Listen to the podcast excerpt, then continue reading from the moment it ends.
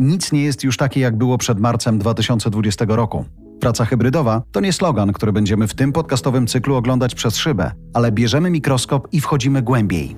Tina Sobocińska od lat zajmuje się wspieraniem działów HR potężnych firm. Jestem dyrektorem HR z ponad 20-letnim doświadczeniem w dużych międzynarodowych korporacjach. Uwielbiam być aktywna w networkach, dzielić się doświadczeniami, uczyć się od innych. Teraz działam projektowo. Skupiam się przede wszystkim na pracy hybrydowej, ponieważ uwielbiam być w nurcie najważniejszych trendów biznesowych. Jestem mamą, uwielbiam podróże i aktywność fizyczną, która daje mi ogromnie dużo dobrego dla mojej głowy. Między innymi zdobyłam Kilimandżaro, a teraz staram się codziennie wędrować 10 tysięcy kroków. W tym odcinku praca hybrydowa, a efektywność zespołów. Pytamy naszych gości, czy praca zdalna, hybrydowa, jest efektywna w dłuższym okresie. Jeśli tak, jakie pomysły w tym pomagają? Jakie są wyzwania? Jak mierzycie produktywność swoich zespołów? Jakie nowe kompetencje warto rozwijać jako lider? Karolina, Paweł, jak dzisiaj pracują Wasze firmy? Zdalnie czy hybrydowo? Ja bym powiedziała, że nie tylko dzisiaj, ale od zawsze pracowaliśmy w takim modelu w pełni elastycznym, praca skąd chcesz, kiedy chcesz. I pracujemy dalej tak samo. Czy to się sprawdza? Historycznie już możesz powiedzieć, że przed pandemią robiliśmy to, zanim to stało się modne, tak, prawda? Ro- zdecydowanie Czy to właśnie. działa, zanim to stało się modne? Działało zanim było modne albo zanim było konieczne. Co jest w tym największym wyzwaniem w takim rodzaju pracy? Największym wyzwaniem, ja bym powiedziała dla nas największym wyzwaniem, bo nie wiem jakie wyzwania będą dla innych. Dla nas ten okres, y, przede wszystkim pandemii, to był okres bardzo silnego wzrostu. Przez ostatnie półtorej roku urośliśmy ponad 150%, jeżeli chodzi zarówno o wielkość przynoszonego biznesu, jak i ilość osób.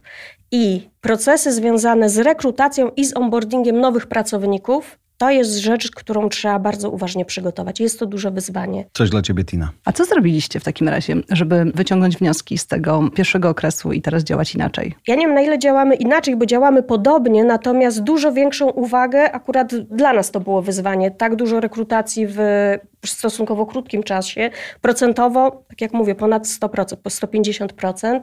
W związku z tym przeprojektowaliśmy oba te procesy, zarówno proces związany z rekrutacją, jak i z onboardingiem, kładąc bardzo duży nacisk też na sprawdzanie efektywności tych procesów, czyli sprawdzanie, jak się czują kandydaci bez względu na wynik rekrutacji oraz jak się czują menadżerowie zatrudnianych pracowników i pracownicy w procesie onboardingu. Karolina, mam jeszcze pytanie. Jeżeli od początku tak funkcjonuje Twój startup, to znaczy, że rekrutujecie osoby, które się w tym modelu sprawdzają? Jeżeli tak, to jak udaje Wam się takie osoby wybrać? To tu bym powiedziała tak, jeżeli chodzi w ogóle na tą samą rekrutację, to y, zatrudniamy osoby albo takie, które są na początku swojej ścieżki kariery, czyli na bardziej takich stanowiskach juniorskich. I tutaj szukamy osób, które jednak są na miejscu tam, gdzie mamy biura. W przypadku osób, które są juniorami, wymagamy obecności w biurze 2-3 dni w tygodniu ze względu na też adaptację w ogóle do kultury organizacyjnej, która dla nas jest bardzo ważna. Junior nie chodzi o wiek, tylko o pozycję. O doświadczenie. Mhm. Nie chodzi w ogóle o wiek, tylko o doświadczenie w danej roli. Tak? Jeżeli chodzi o seniorów, to tutaj takiego problemu nie ma. Osoby już z doświadczeniem, tak naprawdę. I te osoby mogą być z każdego miejsca na świecie. Mamy pracowników w Anglii, mieliśmy praktykanta z Francji, a seniorów mamy w Szczecinie, Gdańsku, Krakowie, Chorzowie. Czyli co Was łączy? Wspólne wartości? myślę, że najbliżej do wspólnych wartości i bym powiedziała takiego też zaufania. Tak? Jedna z tych, bym powiedziała, wytycznych w ramach rekrutacji to jest właśnie taki hiring for altitude, czyli zwracanie uwagi na na match, match, już po angielsku, nieładnie. Zmeczujmy ich, to Zmeczujmy prawda. ich, Musicie tak. ich dobrze zmeczować. Na poziomie wartości. Zdaję sobie sprawę. Przerzućmy się do trochę większego startupu, do Microsoft. Wy działacie, Paweł, jak? Hybrydowo, zdalnie czy fizycznie? No tak, to taki startup od 1976 roku. Y, Ponad 40 lat już historii. No znaczy, my mamy dosyć ciekawą perspektywę, bo my możemy mówić o sobie, ale możemy mówić też, jak my widzimy innych klientów, dla których pracujemy, bo są ich miliony, tak? Użytkownicy Teamsów, użytkownicy całego tego nowoczesnego środowiska pracy. I teraz my nie narzucamy od góry jako organizacja, jako Microsoft, czy ma być model hybrydowy, czy ma być model fizyczny w realu. My jedynie trzymamy się względów bezpieczeństwa. I Amerykanie rzeczywiście tutaj pod kątem security, bezpieczeństwa ludzi narzucili standardy światowe dla nas. Mamy takie levele, które mówią, ile procent z nas może przebywać w biurze. I to jest dynamiczna zmiana, bo to oczywiście w zależności od tych wszystkich wskaźników covidowych.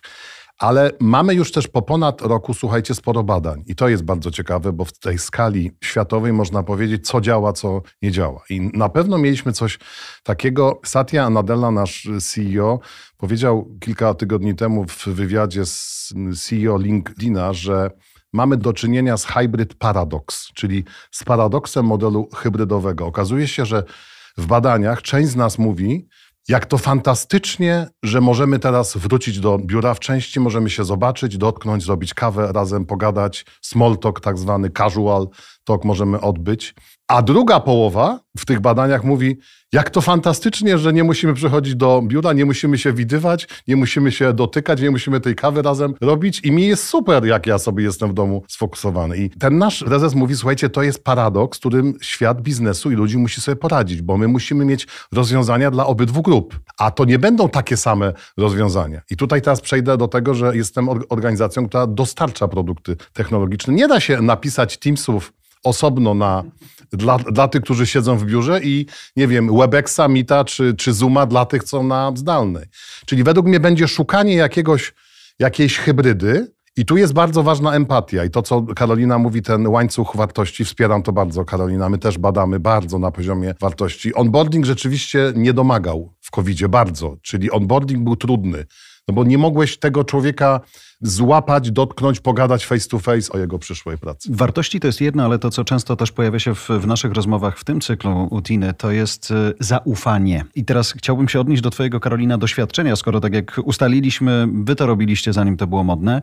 Jakie doświadczenie z tego płynie? Co jest największą wartością dla Ciebie, ale też dla Waszych pracowników w tym modelu pracy? Ja nie wiem, czy to jest w tym modelu pracy, bo my działamy w, tylko w takim modelu i w takim modelu działaliśmy od początku. Natomiast dla mnie wartością jest to, że właśnie menadżerowie, właściciele, zamiast kontrolować, mogą wspierać. Tak? Ten model takiego leadershipu, który staramy się kultywować, to jest taki servant leadership.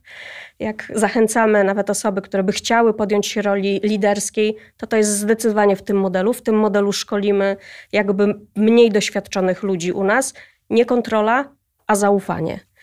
I to powoduje, że większy nacisk musi być robiony na rekrutację i na regularny feedback, po to, żeby nie po to, żeby y, rekrutować idealnych ludzi, bo nikt z nas nie jest idealny, ale po to, żebyśmy wszyscy mogli wspólnie naprawiać to, co ewentualnie można naprawić. Czy w interakcjach, czy w komunikacji, nie czekając, czy w jakości. prawda? Bo rozumiem, że ten czekając. feedback to nie są te wspomniane już w jednym z odcinków rozmowy roczne, tylko to jest coś, co przychodzi szybko, jest konkretne, uczciwe, szczere. To dopytam o to, bo też jestem w nauce tego procesu. Trzeba było nauczyć zespół, żeby odbierał inaczej te uwagi, które będzie regularnie regularnie i częściej słyszał? Ja bym powiedziała, to już słyszę taki bias lekki. Dlaczego feedback to są uwagi? Mhm. Bo feedback to nie tylko uwagi. No tak, Na no feedbacku no można usłyszeć dużo dobrych rzeczy i to jest bardzo często takie złe skojarzenie. Umawiamy się na feedback, to oznacza, że usłyszę, że coś jest źle. A może usłyszysz, że coś jest dobrze. Może jak usłyszę, to będę do tego inaczej podchodził. E, dokładnie. I to jest pierwsza rzecz. Znaczy my na tych spotkaniach feedbackowych przede wszystkim pytamy z jednej strony pracowników, jak im się pracuje, co mogłoby być lepiej działać w firmie, co ich zdaniem działa źle. To nie jest tak, że my przychodzimy na spotkanie i mówimy im, co oni mogliby robić lepiej. Poza tym w takiej kulturze feedbacku bardzo też dobrze jest nauczyć się na różnych poziomach dawać sobie feedback. Ten konstruktywny, tak jak powiedziałaś Karolina, pozytywny, który wzmacnia, ale też taki, który może nam wskazać jakieś sytuacje, w których nasze zachowania niekorzystnie wpływają na innych. Możemy tego w ogóle sobie nie uświadamiać. I tutaj mogę podać też przykład takiego peer-to-peer feedbacku, który może być świetnym rozwiązaniem, żeby każdy rozumiał, jak, w jakich warunkach dawać feedback, jak to zrobić, pokazując swoje dobre intencje i w jaki sposób nie tylko menedżerowi przekazywać taką informację zwrotną, czy przekazywać w roli menedżera, ale też w takich relacjach w zespole na tym samym poziomie. To może też bardzo fajnie pomóc. A ciekawa jestem, Paweł, jak w tak ogromnej organizacji jak Microsoft, ta kultura zaufania, jak to się wam udaje? Wraz z transformacją kulturową, którą Microsoft przechodzi, bo ja nie mogę powiedzieć przeszedł, ale przechodzi i myślę, że przechodzi w dużej mierze udanie, bo wiele organizacji światowych przygląda się Microsoft Microsoftowi,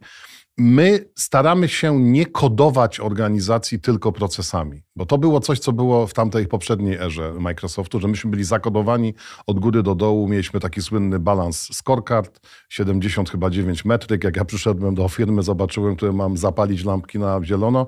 Słuchajcie, tych metryk jest w tej chwili o 3 czwarte mniej i jest dużo procesów bardziej elastycznych, takich swobodnych, właśnie diversity, inclusion, całość kultury, zaufania, empatii. Uczą nas tego, uczą menedżerów, ale też uczymy od dołu trochę pracowników tych miękkich rzeczy. Mam pewne badania, którymi chciałem się z wami podzielić, bo sobie przyniosłem na dzisiejszą rozmowę, że w tych różnych stylach i różnych oczekiwaniach, słuchajcie, w modelu pracy w domu i w biurze, ciekawe, że powody, dlaczego chcę być w domu. Najwyżej jest, że chcę mieć work-life balance, lepszy mam będąc w domu, czyli jestem w stanie wyjść z psem, porozmawiać z dziećmi w przerwie między kolami, z żoną, z partnerem. Fokus na pracy jest większy z domu, czyli w badaniach wychodzi, że większą koncentrację na zadaniu mam w domu. To jest bardzo ciekawe że w tych badaniach na dużych grupach milionowych użytkowników, po stronie tych, co mówią, co chcą z pracy, to mówią interakcje socjalne, czyli najbardziej brakuje mi socjalnych interakcji. Bardzo wysoko są wspólne posiłki i napoje. Co chciałem wam powiedzieć, że bardzo wysoko cenimy sobie gastronomię oraz kantyny wewnętrzne i cały z tym flow. No i oczywiście kwestia tego small talku, którego w ogóle nie ma w online. I to jest główna rzecz. Ja spotkałem jeszcze drugie takie stwierdzenie oprócz hybrid paradox, model asynchroniczny. Asynchronika polega na tym, mówiliśmy Tina kilka tygodni temu na jednym z eventów o tym, że introwertycy w pandemii stali się bardziej introwertyczni, a ekstrawertycy stali się trochę bardziej introwertyczni. Czyli przesuwa się pewien ten suwak pomiędzy tymi takimi naturalnymi modelami osobowościowymi.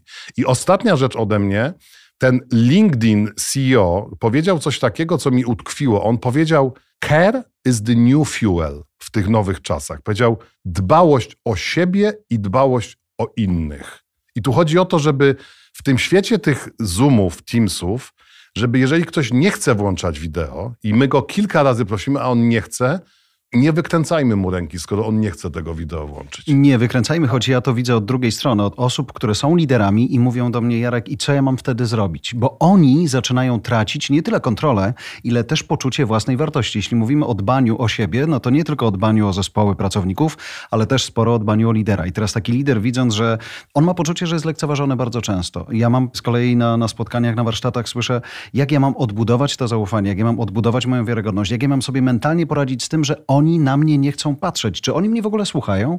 To jest wyzwanie. Wiesz, to jest, kolejna miękka rzecz do nauczenia. Jarek, to jest w nas. To nie jest coś na zewnątrz nas. To jest w nas. Ta percepcja, że ten ktoś nie włącza wideo i teraz on może z różnych powodów nie włączać, jakichś okolicznościowych, które się dzieją wokół niego, ale on może z powodów jego właśnie introwertyzmu, że on nie chce pokazywać mimiki w świecie i na przykład jemu jest łatwiej przyjść do biura i pogadać z tobą wtedy face to face i tu jest ta potrzeba tej asymetrii, tej empatii nowej, żeby ten menedżer, lider umiał wyczuć, w którym momencie może rzeczywiście ten docisk wystąpić. To, co jest ciekawe, że znowu 58% menedżerów podaje, że oni woleliby jednak być już face to face, ze względów na przyszłe wyniki. Czy oni się obawiają, że nie będą osiągali takich wyników w pracy, w szczególności w sprzedaży, w forecastach, w dowożeniu tych celów, kiedy będą mieli połowę zespołu z wyłączonym wideo, bo, no bo oni, oni nie widzą tego mowy ciała, tego Ale wszystkiego. Z drugiej strony dzieje. sprzedawanie, jeżeli masz wyłączoną kamerę, to jest niemożliwe. Znaczy można oczywiście sprzedawać głosem, namawiamy do no, tego, to też Jarek, jest ty możesz. Ty jako, ty jako topowy dziennikarz możesz. Zobaczcie, o czym rozmawiamy w, w, kontekście pracy hybrydowej. Czy ja widzę pracownika, czy nie widzę. Teraz, Karolina, zakładam, że tego doświadczenia masz sporo. Jak sobie z tym radzicie? Że zespół jest rozproszony, używacie narzędzi, żeby on był jakoś zjednoczony. Jakich? W jaki sposób działacie, żeby jednak i introwertycy, i ekstrawertycy byli zaopiekowani? Jeżeli chodzi o narzędzia, to ten okres pandemii zdecydowanie pokazał, że nie można pozwolić sobie na gorsze narzędzia. Że to jakość tych narzędzi, które wspierają komunikację i współpracę, jest bardzo ważna. User experience, jaki one dają, wygoda, ilość integracji jest bardzo ważna i my nawet jako startup nie idziemy w rozwiązania najtańsze, tylko takie, na których nasi pracownicy chcą pracować. Czyli na Teamsy, których... czyli Teamsy jak nic. To nie chodzi tylko o te środowisko do spotkań online czy warsztatów, ale też różne inne narzędzia, które nam tą pracę jakby wspierają. Tak? No my mamy cały back office w ogóle w pełni w chmurze zautomatyzowany, bo on był podstawą jakby działania firmy od początku. Papier jako taki nie istnieje i nie musi. Wszystko idzie w formie elektronicznej od początku do końca. Ale mogę dopytać o to, na co Paweł zwraca uwagę w kontekście strachu, w cudzysłowie, mniejszym, większym liderów, że oni nie dowiozą. Czy w tym rozproszonym środowisku, w tym rozproszonym modelu masz poczucie, że jakby tu nikt nie dyskutuje, dowiozą, nie dowiozą, bo nie mają innego wyjścia?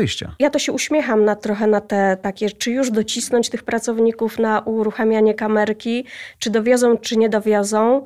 I pamiętam te sformułowania jeszcze z czasu korporacyjnego, kiedy pracowałam w dużej korporacji. My na szczęście takich problemów jeszcze nie mamy. Karolina, jak to jest z tą efektywnością? Bo faktycznie dotykamy tego tematu dzisiaj od początku rozmowy i wielu liderów e, mówi otwarcie, że obawiają się, że pracując zdalnie, hybrydowo w dłuższym okresie, efektywność, produktywność zespołów może spadać. Czy wy to jak w jakiś sposób mierzycie, mając takie technologie? My zmieniliśmy całkowicie, bym powiedziała, ten skrypt rozmów feedbackowych do sprawdzania bardziej, po pierwsze, co ludzie widzą, że u nas nie działa, żeby dużo więcej słuchać od nich, nie tyle dawać im informacje, co z ich pracą jest nie tak. Bo zakładam, że jak mamy dobrych ludzi na pokładzie, to wiemy, że oni dobrze pracują. A druga rzecz to jest taka, żeby sprawdzać, w jakim oni są stanie. Jedna z tych kluczowych kompetencji, którą ja widzę, to jest umiejętność słuchania i rozumienia tego, co się dzieje z tymi moimi ludźmi.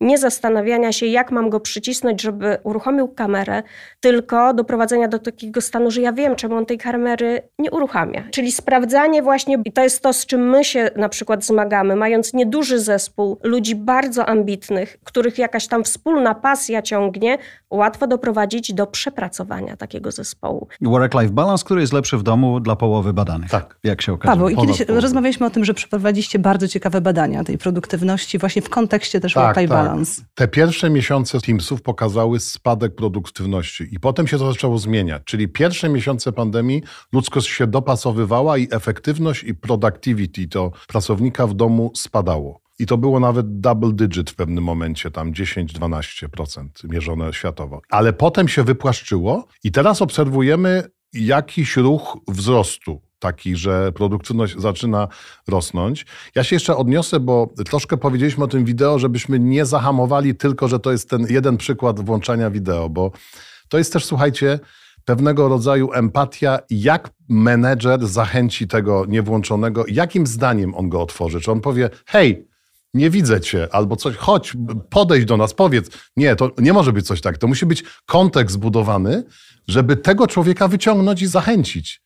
Ale jestem bardzo ciekawy, jaką opinię ma na przykład Tina o tym, która nie włączyła wideo. Podam Wam przykład bardzo ciekawej komunikacji w firmie, która właśnie teraz zachęca pracowników do pracy hybrydowej i uregulowała sobie kwestię pracy z kamerkami. Lider tego zespołu i sponsor całej zmiany powiedział, że odniósł się do filmu Avatar, gdzie jest taka scena, tak, widzę cię, co oznacza y, jesteś dla mnie ważny, tak? I to jest takie fajne przesłanie, które moim zdaniem bardzo fajnie może pokazywać ten kontekst, dlaczego my chcemy tych kamerek. Nie po to, żeby kontrolować, tylko żeby być w kontakcie, tak, żeby widzieć inne osoby. To jest inna relacja też. E, Ja wiem, że na początku, tak jak Paweł nawet pokazując te badania a propos produktywności, że na początku, kiedy świat się przyzwyczajał, no to siłą rzeczy ona była niższa. Teraz, kiedy się nauczyliśmy, to już pracujemy w środowisku, które znamy, nawet jeśli ono jest inne niż było, więc zaczynamy pracować bardziej produktywnie. Ale też to w przypadku dzieciaków było bardzo widoczne. One mówiły, że na przykład nie chcą, żeby ktoś widział to, w jakich warunkach mieszkają, dlatego nie włączały kamer. Ale z kolei dzisiaj wszystkie te narzędzia pozwalają na lepsze światło, na artificial background. To jest też ten moment, kiedy trochę łatwiej się odważyć do tego, żeby było nas widać, żebyśmy mogli oko w oko budować te relacje w zupełnie inny sposób. A co się dzieje, Paweł, jeżeli macie zespoły w firmie, które właśnie tracą produktywność? Jak wtedy pomagacie liderom tych zespołów? Tak szczerze mówiąc, to w korporacjach to nie wiem, czy coś się zmieniło w takim przypadku versus okres przedpandemiczny, tak? Czyli no szukamy jakichś planów naprawczych zwykle. I to nie jest dobre, jak chciałem powiedzieć, tak falowo, tak? Bo według mnie my też musimy umieć zmienić empatycznie, że jeżeli ktoś nie dociąga, to żeby sprawdzić, o co chodzi w tym wszystkim. A technologie umożliwiają takie. Myślę, że jest coś takiego. Ja zauważam taki wysyp narzędzi, już teraz nie mówię o samej pracy zdalnej, ale mamy tą grupę takich low-code applications, które pozwalają przed sięganiem do jakichś systemów głównych organizacji, przedsiębiorstw, jakichś transakcyjnych, mieć grupę software'u, która do tej pory była tylko na papierze albo w przestrzeni fizycznej, a nie była zakodowana. I tutaj są tego typu i duzi producenci, mali, lokalni robią takie low-code w tej chwili narzędzia. One są, co jest bardzo ciekawe, to nie musi informatyk to narzędzie wdrażać, tylko po krótkim przeszkoleniu użytkownicy biznesowi zaczynają z tego korzystać. Z mojego podwórka ja obserwuję rozwój RD platformy Viva. To jest coś, co Microsoft ogłosił pół roku temu ponad. To jest coś, co łączy pomiędzy Teamsami a twardym na przykład HR-em, czyli SAP, czy jakimiś tymi dużymi narzędziami potrzebnymi do zarządzania HR-ami, łączy pewien workflow procesów i ja od paru tygodni z tej Vivy zaczynam dostawać maile. Zaczęła mnie mierzyć, co ja robię, jakie są produkty, ale mi zachęca mnie na razie. Zachęca mnie, zobacz, że na przykład twój smartfon był za dużo okupowany w ciągu doby. Upomniała mnie Viva ostatnio. I co więcej, na narzędziach firmowych spędziłeś za dużo czasu, czyli jest pokazanie analityki takiej. Także to wprost odpowiadając, ale chciałbym jeszcze jedną rzecz powiedzieć Wam, bo przypomniało mi się bardzo ciekawe stwierdzenie, gdzie widzimy taki efekt pandemii też i postpandemiczny, usługi terapeutów, psychologów. Podobno warszawski rynek podskoczył z około 160 zł za godzinę do ponad 300. Wiesz, no nie ma kto, więc siłą rzeczy. No ale, ale popatrzcie, jaka się tworzy nisza i potrzeba rynku. Ilu my tych terapeutów będziemy... Znaczy, ja nie życzę ludzkości, żeby każdy potrzebował terapeuty. To, to żeby było jasne. Ale z drugiej strony, jeżeli jeżeli rzeczywiście jest taki popyt na te usługi, to naprawdę zachęcajmy. Ja, ja wiem, że psychologia jest obleganym dosyć kierunkiem, ale muszę powiedzieć, że, że wyniki studiów pokazują, że niezbyt dużo z nich kończy jako terapeuci. Oni kończą w różnych innych miejscach, ci psychologowie. To chodzi o to, żeby oni rzeczywiście pomagali. Jak pytałaś mnie, co się zmieniło, myśmy jako organizacja światowa lokalnie dostali zgody na włączenie pomoców psychologów właśnie w takich trudnych sytuacjach teamwork, collaboration i ja to dostałem tak jakby w procesie. Ktoś mi podpowiada, Paweł, masz niewykorzystane godziny, czy rzeczywiście nie potrzebujesz dla siebie, czy dla innych? To jestem ciekaw, czy to jest właśnie jedna z tych odrobionych lekcji z tego ostatniego czasu, czyli dodawanie do tej umownie oferty, którą mamy jako firmy dla pracowników, takich rzeczy, które do tej pory właściwie oni być może, jeśli potrzebowali, sami je sobie zapewniali teraz. Może nie z obowiązku, ale jest naturalne, że daje się chociażby dostęp do psychoterapii psychoterapeuty pracownikowi? Mm, akurat może nie konkretnie do psychoterapeuty, ale każdy z pracowników dostał taki voucher, który może sobie wykorzystać taką pomoc, bym powiedziała, mental health, szeroko pojętą, czyli to może być od kreatywności po właśnie porady psychologiczne czy terapeutyczne, bez wnikania na co będzie chciał wykorzystać to raz na rok. Ale wydaje mi się, że to jest też ten kierunek, gdzie można by zacząć myśleć, jako my, jako liderzy w firmach, jakiego rodzaju wsparcie pracownikom może być potrzebne. Tak? Kto z nich z czym się zmaga, no bo chociażby praca w domu, która jest częścią pracy hybrydowej, dla jednych wiemy, że będzie błogosławieństwem, dla innych będzie dużą przeszkodą. Jak ktoś nie ma warunków mieszkaniowych i ma, nie wiem, dwoje dzieci i dwu czy trzypokojowe mieszkanie i wszyscy w tym samym czasie uczą się i pracują zdalnie, to może się okazać, że on po takim okresie faktycznie jest w gorszym stanie psychicznym niż wtedy, kiedy dojeżdżał i nawet stał w korkach jadąc do biura. A czy uważacie, że też takiego rodzaju pomoc jest warta technologii, badania, mierzenia, jak ona jest wykorzystywana? Chodzi absolutnie nie o to, żeby wiedzieć, kto z niej korzysta, tylko czy ona rzeczywiście się sprawdza i czy warunki, które są oferowane w firmie są na tyle zachęcające, że pracownicy faktycznie z tej wędki chętnie korzystają. Ja myślę, że to jest jakiś proces, bo te narzędzia analityczne one już były od paru lat, bo myśmy już jako świat technologii dostarczali już sporo narzędzi do mierzenia siebie i pracy. Teraz to przyspieszyło bardzo, ale nie uważam też, żeby to był jakiś przełom, który nagle przychodzi teraz. Ja myślę, że tak jeszcze powiem Wam moje przemyślenia a propos tego całego modelu pracy hybrydowej, że jestem zwolennikiem tezy, że mając Polskę jako rynek i obserwując polskie organizacje, że nie jest łatwo mapować to, co robi Google, Amazon czy Salesforce i podglądać procesy i zejść do Polski powiatowej, firmy stuosobowej, przyjść powiedzieć właścicielu kopiuj model, co robi Google. Bo szczerze mówiąc, to nie ląduje, słuchajcie. I musi być jakiś zbudowany most taki powietrzny lądowania tych dobrych przykładów z tych dużych firm. Nie wszystkie te rzeczy działają, ale według mnie jest potężna nowa przestrzeń dla doradztwa, dla usług konsultingowych, dla HR-owych specjalistów nowej generacji, którzy będą pomagali tym mniejszym organizacjom, średnim, mniejszym, zmieniać się, bo słuchajcie, jak taka organizacja na dole wygląda? Z reguły jest mocny właściciel, zatrudnia kilku na wynajem menedżerów, którzy wyciskają jemu wynik. I ten właściciel patrzy, co się dzieje, i tam kultura na dole, sama ta kultura, o której my tu sobie mówimy często w Warszawie, że tak powiem, to mało jest widoczna jako temat do rozmowy. Na pewno to jest ogromna przestrzeń do dzielenia się wiedzą, do uczenia się. Możemy się uczyć od startupów, możemy się uczyć od dużych korporacji. I chciałabym też y, zapytać Was o to, jak przygotować się na kolejne zmiany, które przed nami. Tutaj padło słowo przełom.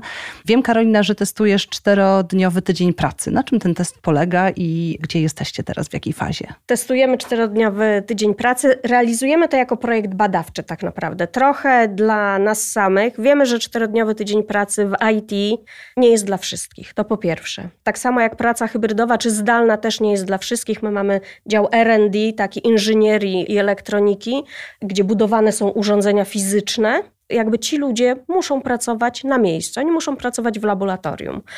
Jeżeli chodzi o IT, to ktoś musi nie spać, żeby spać mógł ktoś. To tak jak ci lekarze pracujący całą dobę, ci w elektrowniach, no i część w IT też niestety musi pracować w systemie trójzmianowym, szerszym, więc jakby nie dla wszystkiego, ale dla wybranej grupy osób, mocno takiej zróżnicowanej.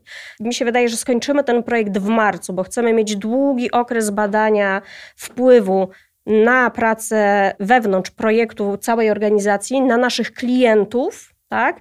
I na rodziny naszych pracowników. Także to jest jakby dosyć szeroko, więcej badamy niż to wymagało tylko z punktu widzenia jakby samej firmy, ale, ale liczymy to są na fajne to, konteksty. że wyniki się mogą rzeczywiście... przydać. Chcemy sprawdzić i badanie rozpoczynamy od okresu przed wprowadzeniem czterodniowego, ośmiogodzinnego. O tak bym jeszcze zaznaczyła, że to nie oznacza czterodniowy, 40-godzinny tydzień pracy. Myślę, że niedługo będziemy mieć pierwsze formalne jakieś takie wyniki, którym możemy się podzielić, natomiast potrzeba wyszła od naszych pracowników. Mamy 7% pracowników, którzy w ogóle pracują w modelu czterech dni pracy na stałe, tak? W piątki nie pracują. Nikt tego nie zauważa na co dzień. Czy nie było takiego poczucia, oni mogą, a my nie, skoro to nie jest dla 100% pracowników w firmie, ten model? Po pierwsze, te osoby, które pracują, to one same chciały pracować w takim modelu. One po prostu mają taką umowę na 4 piąte etatu, więc one chciały od początku pracować w takim modelu. My widzimy, że mając je przez wiele miesięcy na pokładzie, jak jesteśmy świadomi tego, nie odczuwamy tego, ale też nauczyliśmy się, na co trzeba kłaść większy nacisk.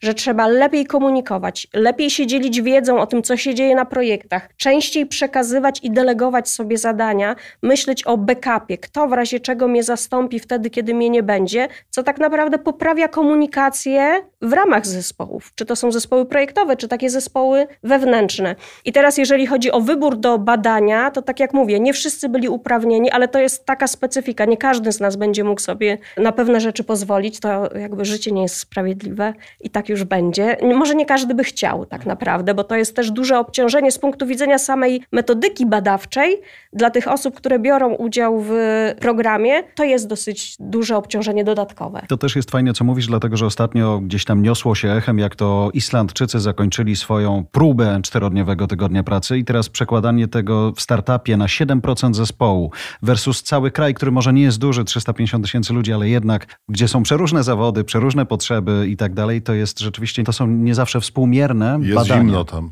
Natomiast y, jak popatrzycie dzisiaj na swoich liderów versus swoje zespoły, to jakich umiejętności tym liderom jeszcze dzisiaj trzeba, żeby to fajnie działało w przyszłości? Ja myślę, że to care, o którym powiedziałem wcześniej, to jest bardzo ważne słowo, ta dbałość. Jakkolwiek, jakkolwiek byśmy nie uczyli tych liderów i ich coachowali i mentorowali, to od lat jest potrzebny zestaw miękkich umiejętności, których nam cały czas brakuje. Tak? Czy to jest właśnie kwestia odczuwania uczuć innych, kwestia Innej komunikacji? sposobu komunikacji, układania zdań. Często mam, słuchajcie, jestem mentorem w kilku organizacjach, mam takie rozmowy z mentee, kobietami, mężczyznami, właśnie o sposobie układania tego pierwszego zdania, jak się odzywam do zespołu. I w jakim momencie, jak ułożyć zdanie, żeby było na przykład twarde, ale żeby je zmiękczyć na początku, żeby, żeby odniosło efekt, żeby ludzie nie czuli się, że ja ich Dociskam. wykręcam tak, na to. Natomiast podoba mi się to, że Karolina powiedziałaś o tym czterotygodniowym tyg- tygodniu. Na razie. Tak, czterodniowym, przepraszam. Y, Myśmy mieli pilota w Japonii i chyba 8 miesięcy japoński oddział Microsoftu pracował. I słuchajcie, nie było spadku produktywności. Ale muszę powiedzieć, potem zaległa cisza nam w organizacji. Ja się zastanawiam, co się z tym dzieje. Czy to jest tak, że jednak tam były jakieś geograficzne inne piloty, może których nie wiem, które pokazały, że to jednak Japończycy specyficznie pokazali. Karolina, ty zaprzeczasz temu, bo ty mówisz, że w naszym regionie to może, może działać. Ja mam przykłady od siebie z domu, z otoczenia medycznego. Znam wielu medyków, lekarzy, którzy po 20-30 latach praktyki sami sobie przechodzą z 5-6-dniowego tygodnia na 2-3 dni w tygodniu model pracy. No i są mega szczęśliwi, muszę wam powiedzieć. Jak widzę ich uśmiechniętych przed weekendem, już w piątek, że oni w czwartek zamykają kramik, tak? I A o to chodzi, chcemy mieć nie tylko efektywnych, ale też szczęśliwych pracowników, no, tylko, że liczby ludzi. musimy świat, No. światowe utrzymać, słuchajcie. Musimy Ale liczby co, światowe utrzymać. Ty mówisz o. Japonii, ja pamiętam przykład, nie wiem co to była za firma IT, ale na jakimś TEDzie słyszałem tą historię nieraz, jak Nowa Zelandia czterodniowy, właściwie oni byli pięć dni w pracy, ale przez cztery dni mieli zrobić to, co mieli, natomiast piątek był taki feel free i okazywało się, że oni właśnie dzięki temu, że ich głowa była free, to oni naprawiali rzeczy, których nie byli w stanie zrobić w ciągu tych, Tych czterech czterech dni, dni. a potem zostawał A im to czas na to, żeby się ciekawe. jakoś rozwiązać, nie? To jest super ciekawe. Ja mam też, nie, nie chciałbym się porównywać do tego badania, ale jest coś takiego, że jeżeli wiesz, że jutro twój dzień będzie wyglądał trochę inaczej, twoja głowa sama zaczyna odpuszczać, jakby zupełnie inaczej zaczyna No na przykład pracować. wczoraj chyba tak się wydarzyło, że na kilkanaście godzin się wielu gło- głowy się uw- uwolniły. Prawda. A niektóre bardzo mocno pracowały. Prawda. Ten problem rozwiązać. Tak, tak, słuchajcie, ale nie Poczekaj, tylko jeszcze o... do, dodam tylko słuchaczom, bo nagrywamy to naszą audycję w momencie, w którym jesteśmy rzeczywiście dzień po takiej dużej awarii Facebooka, Instagrama, Whatsappa, wszystkiego, więc był czas pogadać ze sobą albo spojrzeć na inne strony. Natomiast Paweł, jedna rzecz, zanim y, pozwolę ci, żebyś poszedł swoją drogą. Ten moment, w którym mówisz, zastanawiam się nad pierwszym zdaniem w komunikacji. Sam powiedziałeś, platform poza Teamsami jest kilka. Slack dorzucił ostatnio możliwość voice'u i nagrania tego, co robisz, czyli żeby właśnie twoi pracownicy mogli też usłyszeć po tembrze twojego głosu i po twojej intonacji, czy ty jesteś właśnie wkurzony pisząc coś, czy możesz nagrać im tą notatkę głosową, bo wtedy pozbywasz się niedomówień. To wydaje mi się też a propos tej komunikacji w pracy zdalnej A to może jest być ważne, fantastyczna funkcja. Tak, Jeżeli ja też Slack już to ma, to gratuluję im. Zresztą kibicuję im, bo to jest bardzo dobry software house. Na przykład Teamsy zaczęły podpowiadać defaultowo, że ustawiasz godzinny slot, meeting, spotkanie, to on ci podpowiada 45 minut. I cię zmusza do, żebyś te 15 minut sobie Dla siebie. Hmm? I to jest bardzo dobra praktyka w pracy proste, to jest hybrydowej. proste tak. jak po prostu...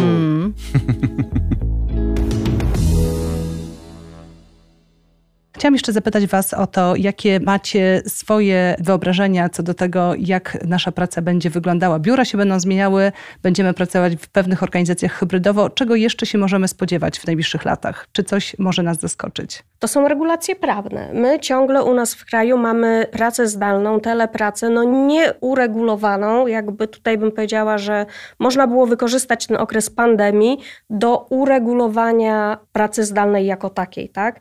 Gdybyśmy byli znowu po raz kolejny w takiej sytuacji, do jakiej byliśmy zmuszeni rok temu, całkowitego pozamykania biur i wszystkich miejsc, do których się udajemy, praktycznie wszystkich, to nie oznacza, że ludzie koniecznie pracują od siebie z domu. Część z nich pracowała od rodziców z domu, część z nich wyjechała za granicę, bo tam miała lepsze warunki do pracy.